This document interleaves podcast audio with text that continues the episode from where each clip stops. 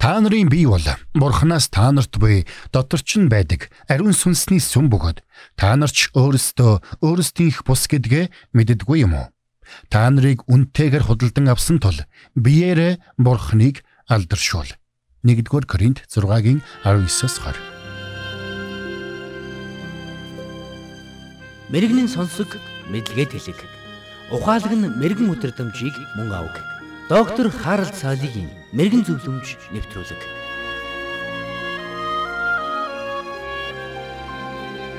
Энэ дэлхий дээрх бүхий л соёл иргэншилд хэн нэгэн хүнд тусалсан бол түүнийхээ хариуд ямар нэгэн зүйлийг хүсэн хүлээдэг болохыг антропологчид баталсан байдаг.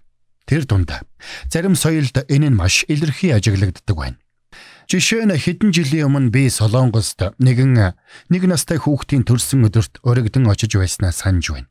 Сонирхолтой нь энэ төрсөн өдрийн баяр бидний мэддэг шаар билуутай хүүхдийн дуу цангилсан баяр байсангүй. Харин маш албан ёсны уур амьсгалтай гэр бүлийн цугларалт байсан билээ. Баярт ирсэн ихэнх зочид албан ёсны хувцастай байснаас гадна маш олон янзын хүндэтгэлийн зоогийг бэлдсэн байлаа. Хамгийн сонирхолтой нь тэнд ирсэн зочид бүгд бяцхан хүүхдэд зориулж үнэтэй бэлэг буюу их хэмжээний мөнгө бэлдэж ирсэн байсан. Гэрийн эздэж хэн ямар бэлэг өгсдгийг тусгай дэвтэрт нэг бүрчлэн тэмдэглэн авч байлаа. Учир нь бэлэг бүрийн цаана тухайн хүнд хариу бэлэг барих үүргийг тэд хүлээж байсан билээ. Тэгвэл Филиппинд хариу бэлэг өгөх энэ үүрэг хариуцлагыг Утан Гналоб гэж нэрлэдэг. Ингэхдээ хэн нэгэн хүний өгсөн бэлгийн хариуд ямар бэлэг өгөх вэ гэдэг нь тухайн хүний нийгмийн байр суурь болон баян чинэлэг байдлаас шалтгаалдаг байна.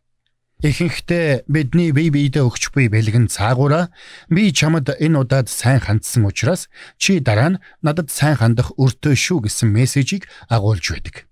Тиймээс ч Элч Паул нэгэн чинэлэг найздаа ийм утгатай загтлыг илгээсэн байдаг. Филимон гэгч тэр итгэгчийн боол Онесим эзнээсээ хулгай хийж оргож зүгтсэн байжээ.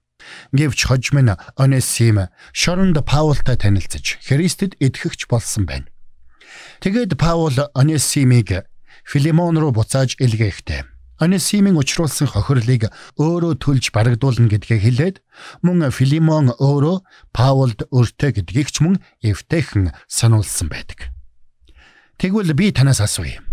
Магадгүй та энэ талаар огт бодож үзээгүй байж болох юм. Гэхдээ хэрвээ та Христэд итгэгч бол таны төлөө хийсэн Бурхны агуу үйлсийн хариуд та түүнд ямар нэгэн зүйлийг хийж өгөх өртөө гэж та бододгүй. Үнэн дээр зарим үрийг бид мөнгөөр хэмжих аргагүй байдаг. Жишээ нь хэн нэгэн хүн таныг галын аюулаас аварсан бол Таны амийг аврахын тулд өөрийнхөө амийг эрсдэлд оруулсан бол та тэр хүнд баярлалаа гэж хэлээд өнгөрөх нь хангалттай байх уу? Мэдээж үгүй. Гэхдээ бидэнд өгсөн бурхны авралын хувьд бид нэгүслийн тухай ярих ёстой болдог. Өөрөөр хэлбэл Бурхан биднийг уучлж, аварч, бидэнд сайнаар хандсан нь Бурханы нэгүүлсэл буюу бидэнд үнэгүй өгөгдсөн юм. Тэгвэл Бурхан энэ агуу үйлсийн хариуд юу ч хийлгүй зүгээр л талархаж хүлээж авах нь хэр оновчтой вэ? Хэрвээ та энэ асуултыг Илч Паулаас асуусан бол тэр ингэж хариулах байсан болов. Мэдээж та нар Бурхны агуу үйлсийн хариуд юу ч өгч чадахгүй. Гэхдээ та нарт нэг үүрэг бий. Та нар өөрсдийн биеийг Бурханд ариун, амьд, тааламжтай дахил болгон өрг. Энэ үеийн явдалд нийцгээ болоод өдөр бүр оюун санаанда Бурхны хүслийн дагуу шинжлэгдэн өөрчлөгд. Тэгвэл та нарын амьдралд хандсан бурхны гайхамшигтай хүслийг та нар ойлгож ухаарах болно гэж. Тэгвэл миний саяхан хэлсэн үгсийг та Паулийн бичсэн Ром захидлын 12 дугаар бүлгээс уншиж болно. Цаашилбал Элч Паул Коринтын итгэгчдэд хандан бичсэн захидалда та нарын бие бол бурхнаас та нарт буй доторч нь байдаг ариун сүнсний сүм бөгөөд та нарч өөрсдөө өөрсдийнх бус гэдгээ мэддэггүй юм уу? Та нарыг үнтэйгээр худалдан авсан тул биеэрээ бурхныг алдаршуул. 1-р Коринт 6-гийн 19-с 20 гэсэн байдаг. Үнэхээр бурхнаас авралыг авсан хүмүүс бид бүгд энхүү амьдрах учиртай юм. Ингэснээрээ бид бурхны хийсэн бүхний хариу төлөөсийг төлж байгаа хэрэг бишээ. Харин үүгээрээ бид өөрсдийгөө бурхны хүүхдүүд болсон гэдгээ гэрчлэн харуулж байдаг үлээ.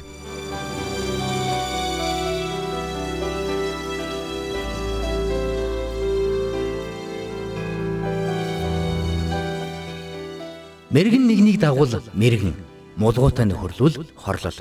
Доктор Харл Цайлигийн мэргэн зөвлөмж нэвтрүүлэг танд хүрэлээ.